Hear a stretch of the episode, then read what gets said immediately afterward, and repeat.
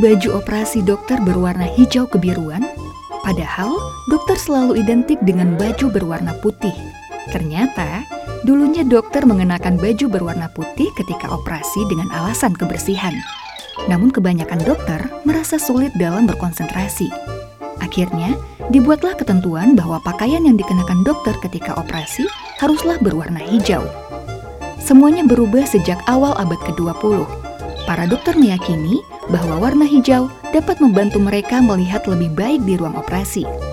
Dengan melihat warna hijau, bisa menyegarkan mata dokter dan membuat mereka bisa lebih sensitif dalam melihat gradasi warna merah atau warna darah.